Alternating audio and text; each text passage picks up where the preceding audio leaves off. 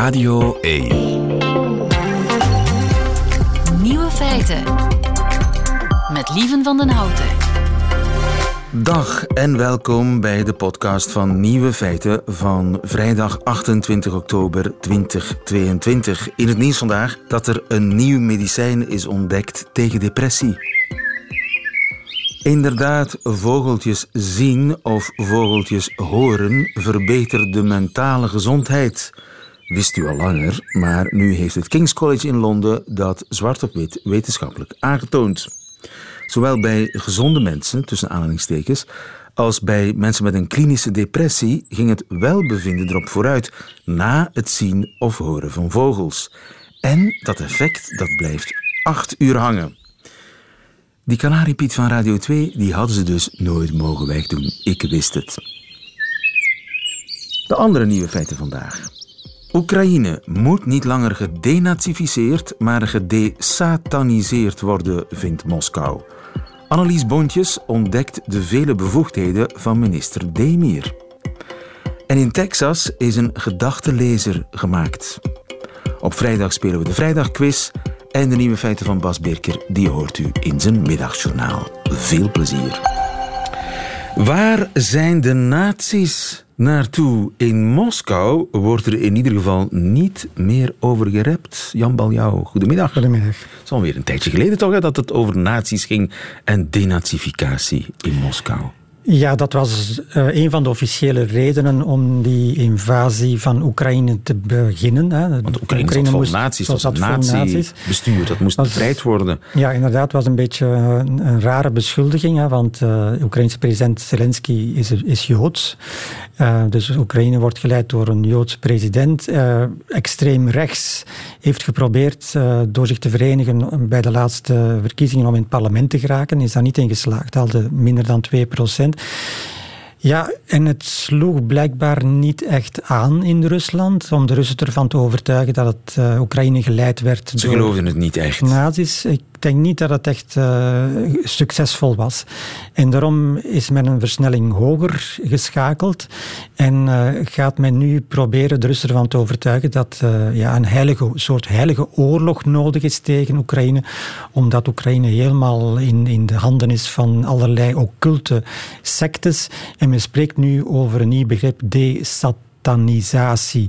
Ik begeef me op glad terrein, want ik ben geen specialist in secten. Desatanisatie komt in de plaats van de van, denazificatie. Ja, ik zal niet zeggen in de plaats van. Ik, zal, ik sluit niet uit dat denazificatie nog wel zal gebruikt worden. Ja, alles wat... wat um, militaire operatie in Oekraïne kan uh, ja, rechtvaardigen. Dat wordt gebruikt. Hè. Maar je ziet wel dat het woordje uh, strijd tegen satanisme meer en meer naar boven komt. Poetin heeft dat zelf uh, vermeld in zijn speech naar aanleiding van de annexatie van de vier provincies. Hè. Dan had het over allerlei satanistische trucs van het Westen. Um, het is ook herhaald, meer uitgebreid door iemand die vrij hoog in de Russische Veiligheidsraad zit. Die heeft ook gezegd dat ja, Oekraïne volledig geleid wordt door vooral de kerk van Satan. Dat is, dat is een bestaande uh, kerk in de Verenigde Staten. Ik wist dat ook niet. Maar, die bestaat, de kerk bestaat, van Satan. Ja. En je zult natuurlijk onder de, de 40, of wat is het, 44 miljoen Oekraïners, zul je wel aanhangers vinden van die kerk van Satan. Maar, en dat is heel typisch voor Rusland, men, men vergroot dat een klein detail, minuscuul detail, vergroot men helemaal uit tot ongekende proporties en zegt men van ja, dat is het probleem. Maar is er iets van aan? Ik bedoel, is, uh, uh, zijn de sectes in Oekraïne de laatste twintig jaar of tien jaar uitgebreid, verveelvoudigd? Nee, daar zijn geen enkele aanwijzingen over uh, voor. Dus je hebt, je hebt uh, de grote religies in Oekraïne, de, de orthodoxe religie, uh, de Grieks-katholieke religie. die zijn zeer sterk en zijn zelfs de, orthodoxe, de Oekraïnse orthodoxe kerk is zelfs nog sterker geworden, het heeft zich afgescheiden van, van de Russische orthodoxe kerk. Natuurlijk, zoals overal zijn er aanhangers van Scientology, die kerk van Satan, allerlei sectes, ook bij ons. Ehm, maar ik, ik heb niet de indruk dat dat in Oekraïne meer is dan, uh, dan bij ons of bijvoorbeeld in Rusland. Hè. Ook in Rusland zijn, die, zijn al die, die groepen uh, zeer actief geweest in, in het verleden. En zijn de Russen dan nu gevoeliger voor desatanisatie dan voor denazificatie? Gaat dat de Russen nu wel doen, warm lopen voor die oorlog? Goh, ik, ik, uh, ik heb er mijn twijfels bij, maar het is, het is eigenlijk een heel pakket uh, van, van argumenten die uh, men van, van, vanuit het Kremlin probeert te geven om de Russen te van overtuigen. Terrorisme is één daarvan ook. Hè? Terrorisme is, is ook een, een element. er zijn natuurlijk aanslagen op Russisch grondgebied gepleegd, waar vermoedelijk Oekraïne achter zat, onder meer op de dochter van Alexander Dugin, een belangrijke huisfilosoof van het Kremlin, heel conservatieve filosoof aanslag op de Krim, vermoedelijk ook Oekraïne. Um, en, en, en men zegt nu ook vanuit het Kremlin, zegt men ja, Oekraïne is van plan om een vuile bom te gebruiken tegen Rusland. Dat is ook een typisch instrument dat gebruikt wordt uh, door terreurorganisaties. En daarnaast hoor je ook vanuit het Kremlin meer en meer zeggen van ja, het Westen is uit op de vernietiging van Rusland. Dus die Russische bevolking moet echt overtuigd worden van dit is ernstig. We moeten met z'n allen ons verzetten tegen ernstige dreiging. En dat is nodig, want ja, Poetin heeft de steun nodig van de bevolking. Ja, uh, er is heel veel ja, ongerustheid in die Russische bevolking. Dat is veroorzaakt door die mobiliseringen van september. En uh, hij, hij, merkt dat uh, ja, die Russische bevolking niet mee is in zijn retoriek. Dus alles wordt nu ingezet om die Russische bevolking te overtuigen. Ja, antiterreur, anti-Satan. Uh, nochtans, uh, heeft dit nog altijd over een speciale militaire operatie of is het intussen een, een oorlog geworden? Ja, dat viel ook gisteren op in zijn speech. Um, Hij heeft gisteren gespeecht. Voor de Valdai Club. Uh, dat is een bijeenkomst van ja, internationale experten, laten we zeggen, in Moskou. Vroeger waren daar ook westerse experten en westerse journalisten bij. Dat is nu niet meer zo, of toch veel minder. Um, en hij in, de, in, zijn speech gebruikt hij voor het eerst het woordje oorlog. En uh, begin deze week had uh, Sergei Kirienko, de, de adjunct-voorzitter van de Veiligheidsraad, ook al het woordje oorlog gebruikt als het ah, ging over dus Oekraïne. dat is toch ook al een, een merkwaardige ontwikkeling? Dat is... Dat, duidt aan dat ja, uh, het Kremlin er niet meer in slaagt om die oorlog in Oekraïne weg te houden van de Russische bevolking. En ja, de, de redenering is van als de Russen uh, geconfronteerd worden met een echte oorlog waar het voortbestaan van Rusland op het spel staat, dan zijn ze bereid tot zware ja, opoffering. Dus dat past eigenlijk in dezelfde strategie. Voilà, zoals in de en, Tweede Wereldoorlog. En dat hij nu gezegd heeft, wat toch redelijk gematigd overkomt, wij zullen nooit als eerste een kernwapen gebruiken. Is, is, past dat dan ook in die strategie? Uh, wel, in ieder geval heeft uh, ja, Poetin gezegd van we zullen uh, niet als eerst inderdaad, hè, maar we zullen wel reageren als het Westen het doet. En hij legt eigenlijk voortdurend de bal in het, bij het Westen. Hè. Dus hij, hij, zegt van wat wij doen is een reactie op wat het Westen ja. doet. Het Westen... Maar is dat nu een geruststelling? Want ik ga ervan uit dat wij niet als eerste die kernbom gaan gebruiken. Ja, wel, het is maar hoe hij het bekijkt. De Amerikaanse president Biden heeft gezegd van uh, als hij niet van plan is om een kernwapen te gebruiken, dat hij er dan over zwijgt. Hè. Ja. Natuurlijk, Poetin is, is de man geweest, de president geweest, die ja, geregeld dat kernwapen op tafel gelegd heeft, terwijl er eigenlijk geen nood was om dat te doen. De Tsjetsjeense leider Kadyrov heeft zelfs, uh, en die wordt uh, het hand boven het hoofd gehouden door uh, Poetin, heeft zelfs gezegd dat voor hem de inzet van een tactisch kernwapen nu al aan de orde is. Ja, als Poetin echt de, die, die angst zou willen wegnemen, dan zou, je het veel, dan zou, je het gewoon, dan zou je er gewoon niet over moeten praten en zou ook Kadyrov terechtwijzen. Ja. De ontwikkelingen in Moskou, ze gaan snel en ze worden gevolgd door Jan Baljouw. Waarvoor dank. Goedemiddag. Nieuwe feiten. De ontdekking van België. Het is een uh, verbijsterend avontuur, de ontdekking van België. Door Annelies Bontjes, de correspondent België van het Nederlandse blad Trouw. Goedemiddag Annelies. Hoi, goedemiddag. Heb je weer een weekje België overleefd? Ik heb weer een weekje België overleefd, ja. Met stijgende verbazing? Ja, het was met weekje wel weer. Ja, hè? Toch? Ja. Wat is het verhaal dat jou het meeste heeft uh, ver verwonderd deze week? Nou, ik heb weer iets nieuws geleerd deze week. Namelijk over het bestaan van het Zuhalleke. ja, oh, die kan ik schrappen op de lijstexamen Vlaams. Ja. Een zuwalke doen. Ja, dat weet ik nu wat dat is. Want, Ik weet dat eh, ook pas sinds deze week hoor, wat het is. Oh, oké. Nou, dat was Ja. voor jou ook iets nieuws. Ook iets nieuws, ja. Nou, het gaat dus over minister Zuhal de Mier. Die heeft deze week een gepland subsidiebedrag voor de KU Leuven tijdelijk on hold gezet. Omdat ze meer informatie wilde over een eh, verkrachtingszaak. Mhm. Ehm, het heeft alles te maken met een professor pedagogiek. Die is vorige week veroordeeld tot 54 jaar cel voor een verkrachting. Die zou hebben plaatsgevonden in, of die heeft plaatsgevonden in 2016. Maar het slachtoffer heeft. Nou, het slachtoffer wilde geen melding doen. Toen heeft familie van het slachtoffer in 2018 een melding gedaan. Maar ook toen heeft die docent dus nog maandenlang doorgewerkt. En zij wilde weten hoe dat kan, hoe de universiteit heeft ingegrepen en wat daar precies gebeurd is. Ja, maar het zuwalke in kwestie is eigenlijk het eh, beeld... Ja, wat betekent het eigenlijk? En wat wou jij zeggen, Beeld? Nou, het niet door overdreven kennis gehinderde om zich heen schoppen. Nou, is dat ja. het zuwalke?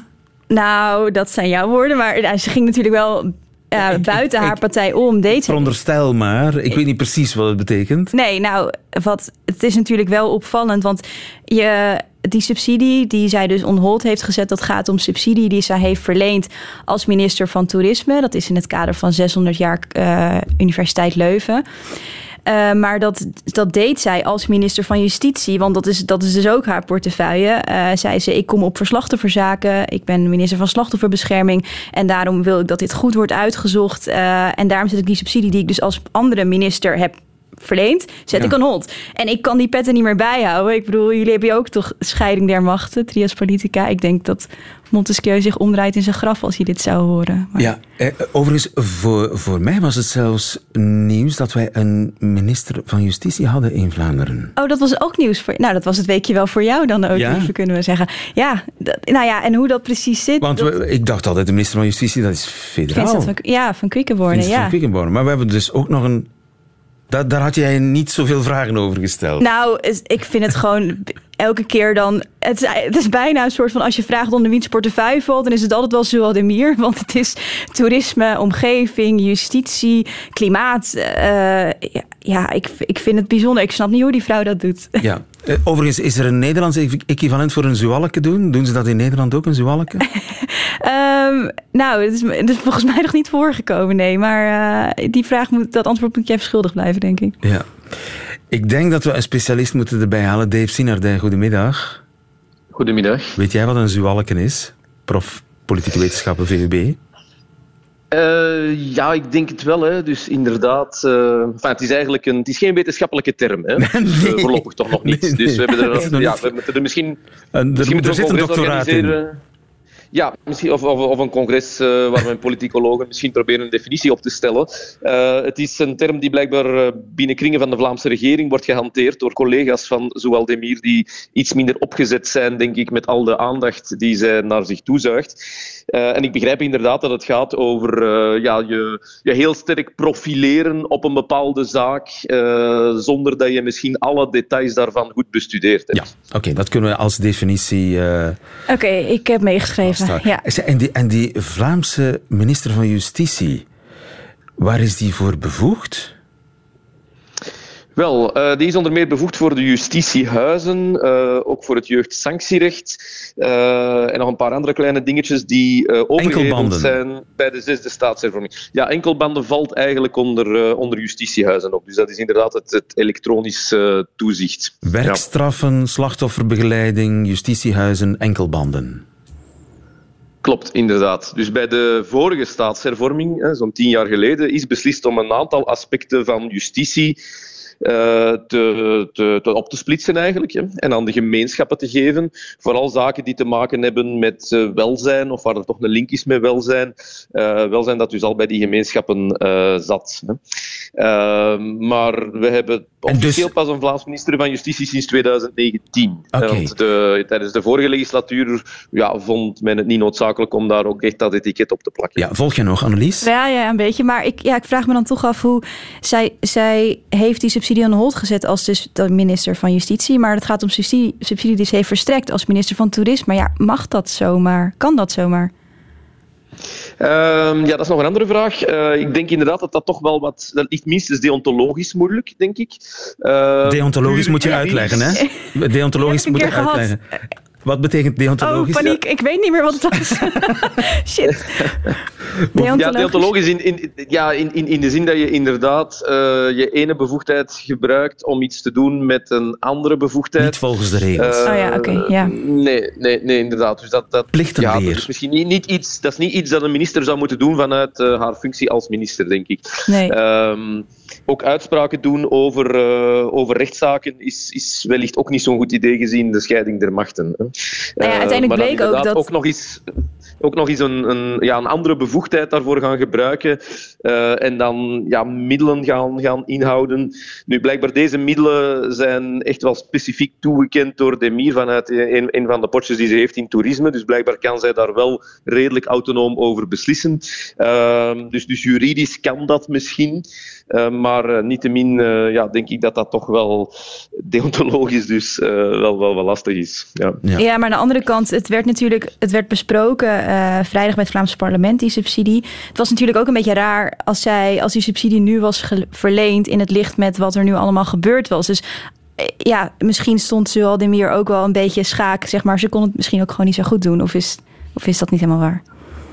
Goh, ik, ik, ik, denk niet dat ze zich eigenlijk hierop hoefde te profileren, persoonlijk. Uh, ik denk dat haar collega van de NVA en van de Vlaamse regering, Ben Wijts, dat die eigenlijk de juiste houding heeft aangenomen. Die heeft de regeringscommissaris bij de KU Leuven gevraagd om een, uh, om een rapport uh, op te stellen om die zaak verder te onderzoeken. Uh, ik denk dat dat het, het, belangrijkste is wat je kan doen. Want uiteraard, het is een, allee, het is een heel zwaarwichtige zaak die, die, ja, die absoluut verder moet uitgespied worden. Maar dat lijkt mij dan inderdaad eerder iets voor een regeringscommissaris om zich over te buigen.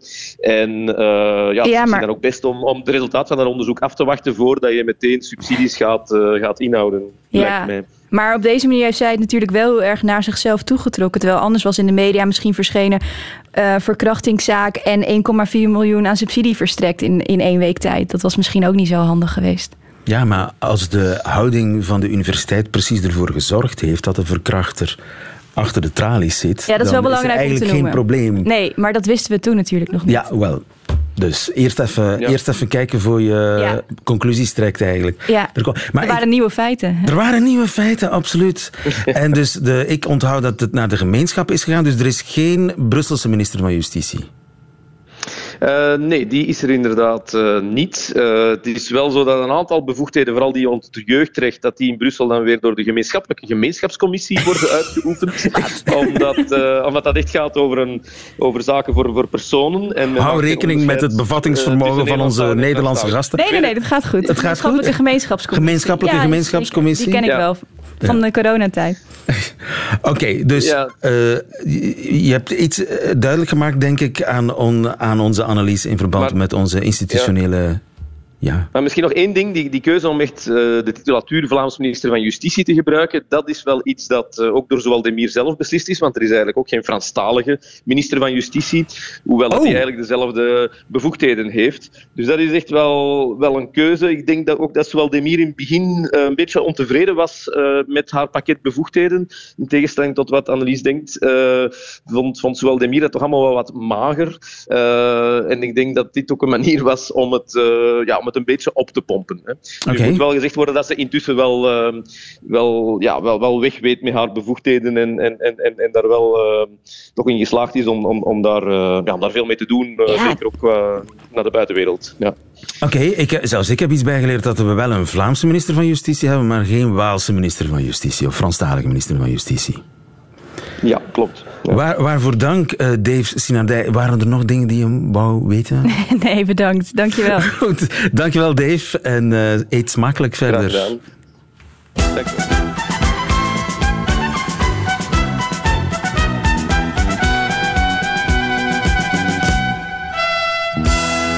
Examen Vlaams.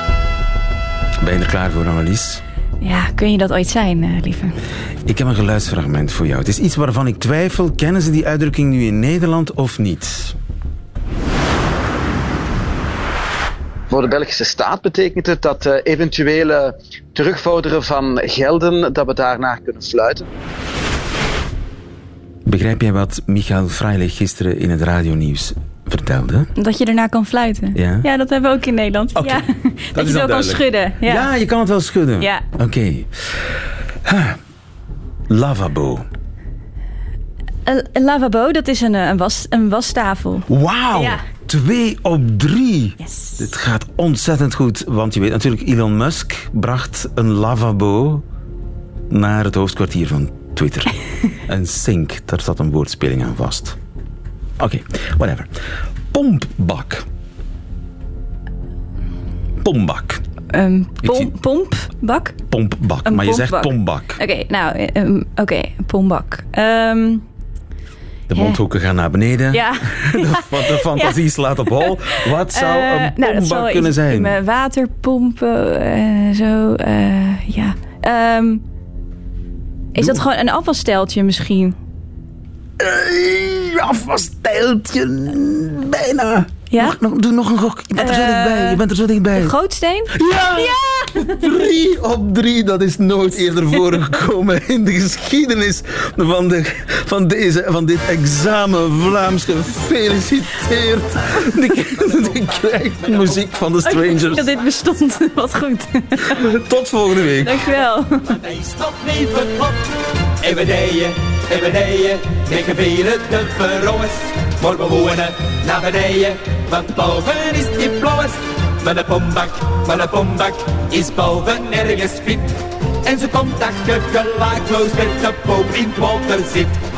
Maar nou weet ik hoe het kwam dat waterlied. Nee, intussen is een spontane paard in de gang dansen ontstaan in de, stu- in de studio. Drie op drie.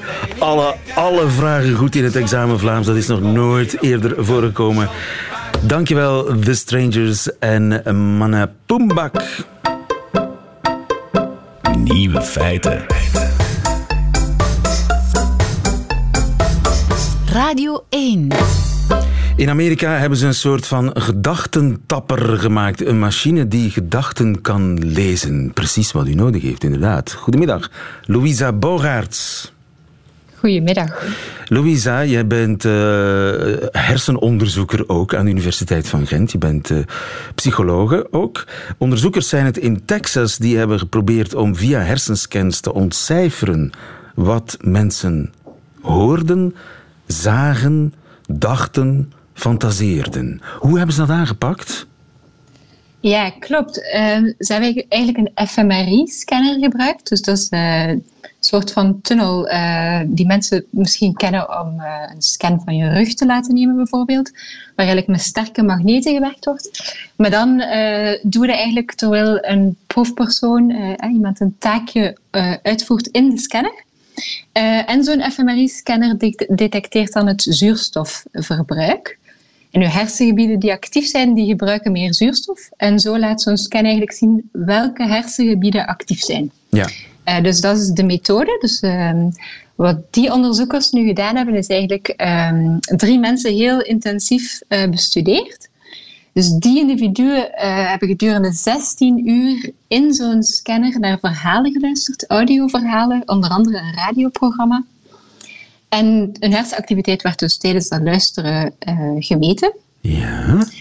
En vervolgens hebben ze ehm, wat een decoder genoemd wordt, eh, of een ontcijfermachine, ehm, gebouwd. Eh, die machine leert dus eigenlijk de link te leggen tussen de scans, tussen de hersenactivatie die we zien op dat soort scans, en wat er in het verhaal gebeurde. Dus die krijgt eigenlijk eh, alle twee die datapunten. En die moet dus eigenlijk de connecties eh, gaan maken. Dus die wordt eigenlijk intelligent gemaakt. Juist. Dus eerst moet je de computer slim maken, leren wat een verhaal of een gedachte doet in het brein. Die link leggen tussen Ja. die, breinacti- die specifieke breinactiviteit en die specifieke gedachte. En vervolgens eh, kun je die computer dan loslaten om te checken. De- dan kan die computer eigenlijk herkennen wat de persoon in kwestie, de proefpersoon in kwestie, denkt. Of ja, hoort. Dus denken, ja, in dit geval gaat het inderdaad nog over horen. Ehm, dus het, eh, wa- waar het op eh, getraind wordt, dus het soort van informatie die het krijgt, is eigenlijk eh, wat mensen horen en hoe de hersenscanner dan uitziet. Maar dan heb je gelijk dat het ook gaat al over denken, omdat die onderzoekers vervolgens eigenlijk getest hebben of dat machine, dat nu slim gemaakt is, uh, meer kan doen dan alleen maar um, raden welk verhaal mensen, uh, naar welk verhaal mensen luisteren. Nu eigenlijk ook kijken naar bijvoorbeeld wanneer mensen zelf verhaaltjes bedenken. Uh, kunnen, kan het, de machine dat dan ook um, raden over wat die verhaaltjes gaan. Dus daar gaat het al veel dichter bij uh, mindreading, zeg maar. En dat is gelukt. De computer kon dat, die machine kon dat. Ja, klopt. Um, dus stel bijvoorbeeld um, dat je in, want ze hebben dat dan getest, um, zowel met nieuwe verhaaltjes, dus verhaaltjes die de computer, uh, die die slimme machine nog niet, uh, die daar eigenlijk geen informatie over had, maar ook met eigenlijk twee nieuwe soorten input waar mensen naar keken, in het geval van tekenfilms, dus eigenlijk tekenfilms zonder geluid. En dan die verhaaltjes die ze zelf bedachten. Dus die machine moest dan gaan raden op basis van de hersenscans. Wat was de inhoud eigenlijk van waar mensen naar keken, luisterden of wat ze bedachten. En dat lukt. Dus als u bijvoorbeeld in een stille tekenfilm een meisje ziet, Um, en daar is een hersenscan van. Uh, dan kan uh, die ontcijfermachine uh, raden dat dat een meisje was, ook al heeft hij eigenlijk nooit tekenfilms gezien. Die heeft right. enkel maar naar audioverhalen Want dus er is een lemma-meisje, zeg maar, in, in die computer. dus die computer weet hoe een meisje eruit ziet in mijn brein. Dus als ik aan een meisje ja. denk, zegt die computer, ah, meisje. Ja, klopt. Wow. Dus um, ja, het gaat echt over de betekenis van meisje, dus niet over het woord meisje, niet over de audio, uh, de audio uh, karakteristieken van meisje, maar, het, maar gewoon de het betekenis concept, het concept meisje. Nu, dit Ja, is de klopt. eerste stap naar een volwaardige gedachtenlezer, hè? Uh, ja, op, op een manier wel. Dus eigenlijk, wa- waarom is dit nu zo spannend? Ehm, is eigenlijk omdat het, het straffen is dat lukt op basis van die fMRI-scans. Dus eigenlijk konden we vroeger ook wel al ehm, die code, hè, dus ontcijferen op basis van eh, hersenactivatie. Maar dat kon alleen maar als de schedel werd opengelegd en als we echt rechtstreeks vanuit eh, de hersenen konden gaan meten. Dus met, met elektroden bijvoorbeeld die ingeplant zijn bij patiënten. Dus dat is heel Dat is heel invasief. Invasief. Nu kan het eigenlijk met een, eh, een simpele eh, scan. Het is toch een heel klein beetje angstaanjagend hè, ook. Ehm, ja, zowel angstaanjagend als heel veelbelovend. Hè? Ehm, Wat zou je er positief mee kunnen aanvangen? Wat je negatief kunt aanvangen, daar kan ik mij wel iets bij voorstellen. Maar wat zou daar Ja, positief uit kunnen wel, komen? Positief kan je bijvoorbeeld denken aan patiënten die eh, niet meer kunnen spreken. Als je denkt Aha. aan een locked-in patiënt, die, eigenlijk, die eruit ziet alsof die in coma is, maar die eigenlijk eh, perfect van zijn omgeving nog eh, alles kan, kan verstaan. Hè, dus die volledig verlamd is, maar waarbij dat de hersenen nog goed werken. Die mensen kunnen enkel maar hun ogen nog bewegen. Eh, ja, die, met zo iemand zou je in gesprek kunnen gaan. Ja, en dat Eh, zou toch dus- wel een enorme vooruitgang zijn. Dankjewel, Louise Bogaerts, Dank je. voor deze toelichting bij de ja, eerste versie zeg maar, van de gedachtentapper die ze in Texas hebben gemaakt.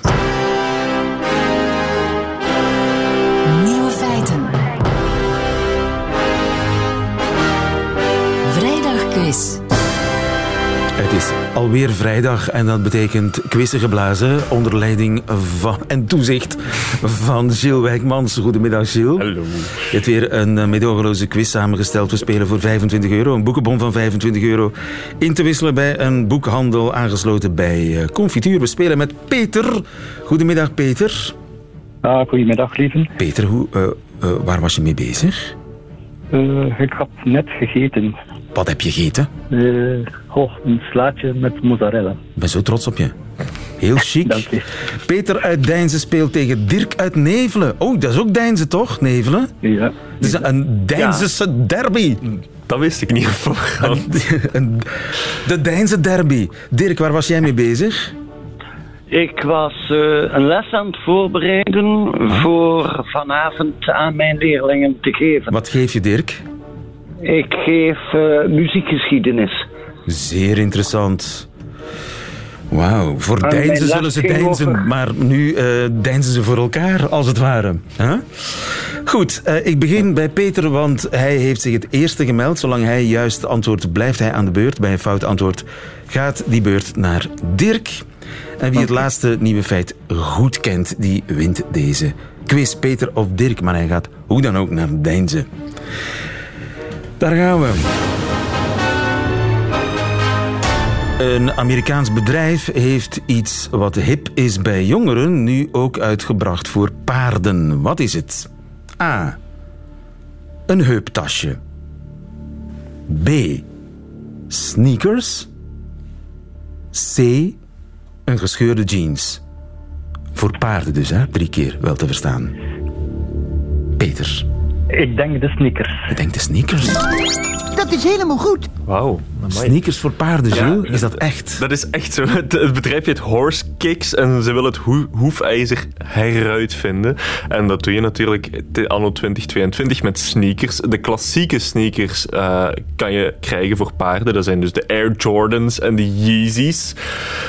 Prijs 1200 euro per schoen. En ga je daar beter van galopperen? Eh, toch minstens 3 km per uur sneller van lopen, ja. Echt waar? Nee. dat verzint hij er gewoon bij. Maar het- de, de sneakers zijn voor alle duidelijkheid niet verzonnen, die zijn echt. Peter, vraag 2 is voor jou. Champagnemerk Mum heeft vijf jaar lang gewerkt aan een nieuw innovatief product. Wat? A. Champagne waarbij de bubbels van gecapteerde CO2 uit de lucht komen. B. Champagne met cannabissmaak. C. Een champagnefles die je in de ruimte kan gebruiken. Bubbels van CO2 uit de lucht.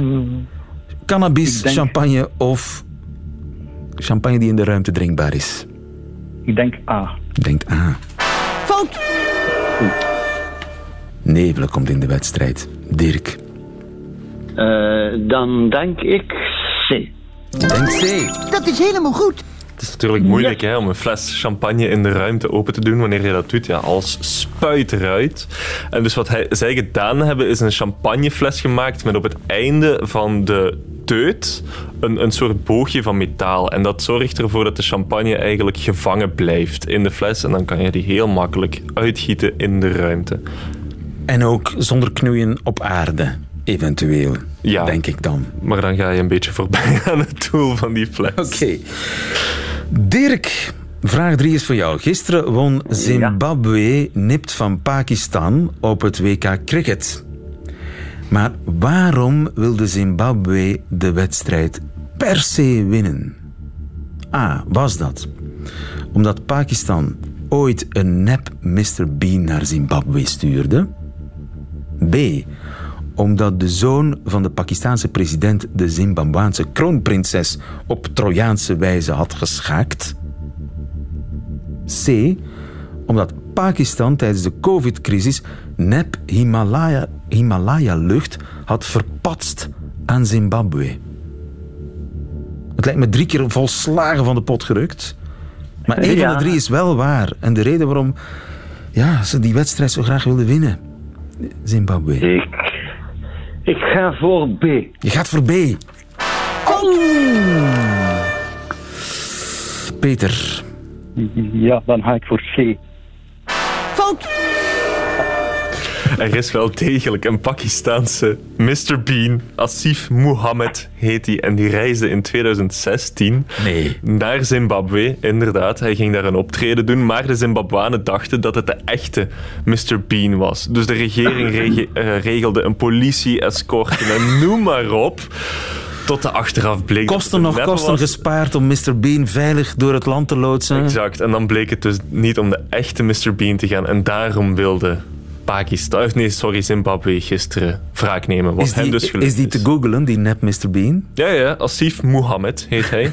te googlen en te boeken, denk ik. lijkt die? Eh, laten we zeggen dat je er ongeveer 20 kilo extra bij moet eh, tellen. Vraag 4, slotvraag is voor Dirk. Een Australische luchtvaartmaatschappij organiseert een loterij. Wat moet je doen om daar aan mee te doen? Kiezen voor de plek met de minste beenruimte. Het gaat om een Australische luchtvaartmaatschappij. Hè? B. Kiezen voor het middelste zitje. C. Al je bagage achterlaten, geen bagage meenemen. Wat moet je doen om mee te doen aan de loterij van die luchtvaartmaatschappij in Australië? Dirk. Ik twijfel tussen A en B. Je zal toch iets moeten zeggen, Dirk. Mag ik ze nog eens horen? Kiezen voor de plek met de minste beenruimte, kiezen voor het middelste zitje of al je bagage achterlaten. Ik, ik ga voor B. Je gaat voor B. Dat is helemaal goed. En dat betekent dat wij een winnaar hebben.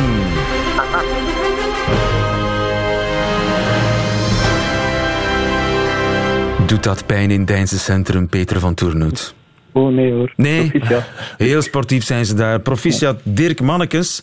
Want inderdaad, Gilles... Het min- middelste zitje, inderdaad. Schrijf je in voor de loterij. Het is ook het minst populaire zitje natuurlijk. Slechts 0,6% van de vliegtuigreizigers wil er zitten. Ik vraag mij af wie dat die 0,6% van de mensen zijn, want ze zijn volgens mij redelijk gestoord. Heel weinig ruimte daar.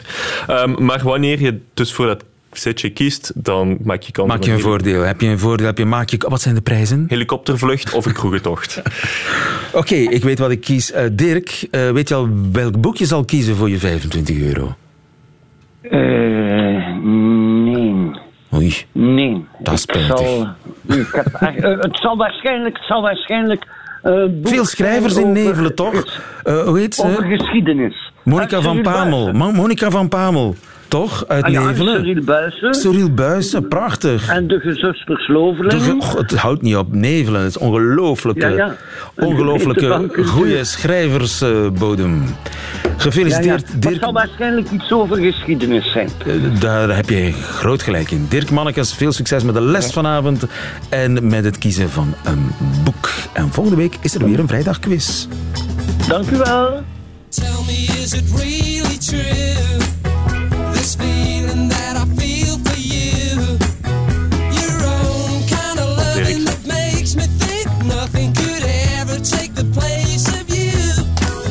Het is een eh, feestje, maar dat feestje zal voor een andere keer zijn, want eh, het is dringend tijd voor het middagjournaal. Eens kijken wat er in het leven van Bas Birker gebeurd is vandaag. Nieuwe feiten. Middagjournaal. Liefste landgenoten, ik kookte soep. Letterlijk. Ik deed het in een pannetje en bracht het aan de kook. Ik kookte de soep al eerder een keer, maar om het te kunnen bewaren voor gelegenheden als deze, koelde ik de soep daarna terug tot temperaturen waar zelfs Vladimir Poetin bij in zijn handen zou wrijven. Vanwege de kou en de gasomzet. Ik eet niet graag soep, maar vanwege tijdsgebrek gisteren kreeg gemak voorrang boven smaak. En dus haalde ik een liter soep uit de vriezer en warmde ik het op om de roedel te voederen. Dan eet ik zelf straks wel frietjes, dacht ik. Maar een liter soep is te veel voor anderhalve dame. Die halve is mijn dochtertje. Die zit niet in transitie, maar ze is acht en derhalve niet zo groot. Dus vulde ik een grote en een kleine kom en keek ik naar de rest in de pan. Wat een verspilling, dacht ik. En ik had gelijk. Voor de soep heb ik tijdens de aanvankelijke bereiding in een uur een aanzienlijke hoeveelheid fossiele brandstof opgestookt. En nu voegde ik daar nog eens een kwartier aan toe om het van vast naar gasvormig te krijgen. Ik walgde van mezelf bij de gedachte hoe ik de wereld die mijn dochter erft naar de malle moer aan het helpen was. Ik moest iets doen. Ik liep naar de living en haalde een werk van kunstschilder Joop Birker uit 1958 van de muur. Sorry, de grote zaak gaat nu even voor, hoorde ik mezelf zeggen tegen olieverf op doek. Met een groot gebaar gooide ik het stilleven in de soep. Dat paste niet. Het schilderij viel van de pan op het fornuis en van het fornuis op de grond. De soep zat nog in de pan. Ze was hooguit wat geschrokken. Balletjes keken me aan met een verbaasde blik. Is er nog soep? vroeg dochter Lief met een leeg kommetje in haar hand. Ja hoor, liefje, zei ik. De soep is onbeschadigd. Ik had gewoon even aandacht nodig. Twee achtjarige ogen gaven me de 47ste eye-roll van de dag. Vanmorgen las ik dat een werk van Piet Mondriaan al decennia ondersteboven hangt in de kunstcollectie van de Duitse deelstaat Noord-Rijn-Westfalen. Daarover was een persconferentie belegd. De conservator zei dat het inderdaad op zijn kop hangt, maar dat ze het niet meer terug gingen draaien. Het is een kwestie van tijd voor klimaatactivisten zichzelf vastlijmen aan een Duitse muur en de Mondriaan besmeuren om ons te wijzen op de onomkeerbare gevolgen van ons gedrag. Ze zoeken alleen nog iets dat naar boven stroomt. Heeft er iemand een recept voor aardgassoep?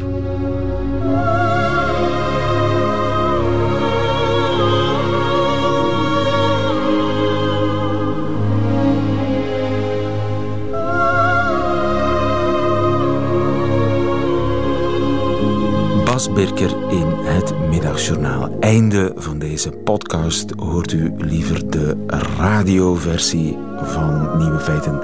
Dat kan natuurlijk elke werkdag live op Radio 1 of on demand via de Radio 1 app of website. Tot een volgende keer.